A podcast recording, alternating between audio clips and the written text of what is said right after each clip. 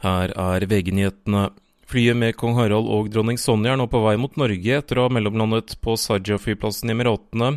Flyet er ventet å ankomme Gardermoen litt over klokken ti i kveld. Kongen vil ved ankomst bli lagt inn på Rikshospitalet og bli sykemeldt i to uker. En 14 år gammel gutt skal ha blitt ranet av en 13-åring på Ottestad i Stange i går kveld. 14-åringen skal ha gitt fra seg et mindre pengebeløp etter at 13-åringen viste fram det som så ut som en pistol. Hjemme hos 13-åringen ble det i dag beslaglagt en softgun og en gasspistol.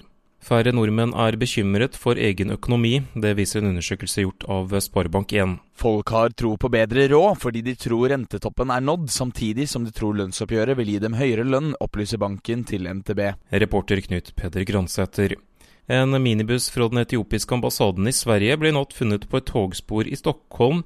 Den etiopiske ambassaden har beklaget hendelsen overfor svenska Dagbladet. De forsøker nå å finne ut hvordan bilen havnet der. I studio Andre Ødeby, nyhetene for du på VG.